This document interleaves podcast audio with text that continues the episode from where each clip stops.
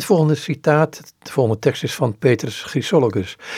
Bisschop van Ravenna eh, leefde van circa 406 tot 450. Het is een deel uit een homilie. Het gaat als volgt. De menswording van Christus is niet iets gewoons. Het is een wonder. Het is niet in overeenstemming met de reden, maar met de goddelijke kracht.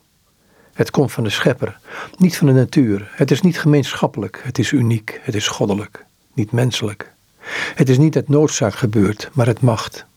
Het was het mysterie van het geloof, vernieuwing en heil voor de mens.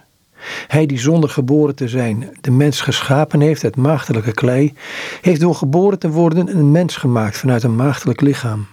De hand die zich vervaardigd heeft om klei te nemen, om ons te scheppen, heeft zich ook verwaardigd om ons vlees te nemen, om ons te herscheppen.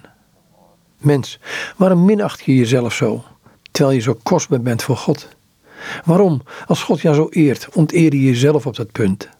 Waarom zoek je hoe je bent gemaakt en zoek je niet waarvoor je gemaakt bent?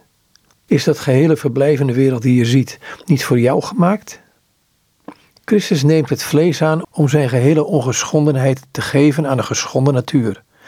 Hij aanvaardt de toestand van een kind. Hij accepteert het om gevoed te worden. Hij doorloopt alle leeftijden om de unieke en volmaakte levensduur te herstellen die hij zelf had geschapen. Hij draagt de mens, opdat de mens niet meer kan vallen. Degene die aards geschapen is, maakt het hemels. Degene die bezield werd door een menselijke geest, geeft het leven door een goddelijke geest. En zo heeft hij hem geheel opgetild tot aan God, om niets in hem te laten dat nog behoort aan de zonde, aan de dood, aan het zwoegen, aan de pijn, aan de aarde.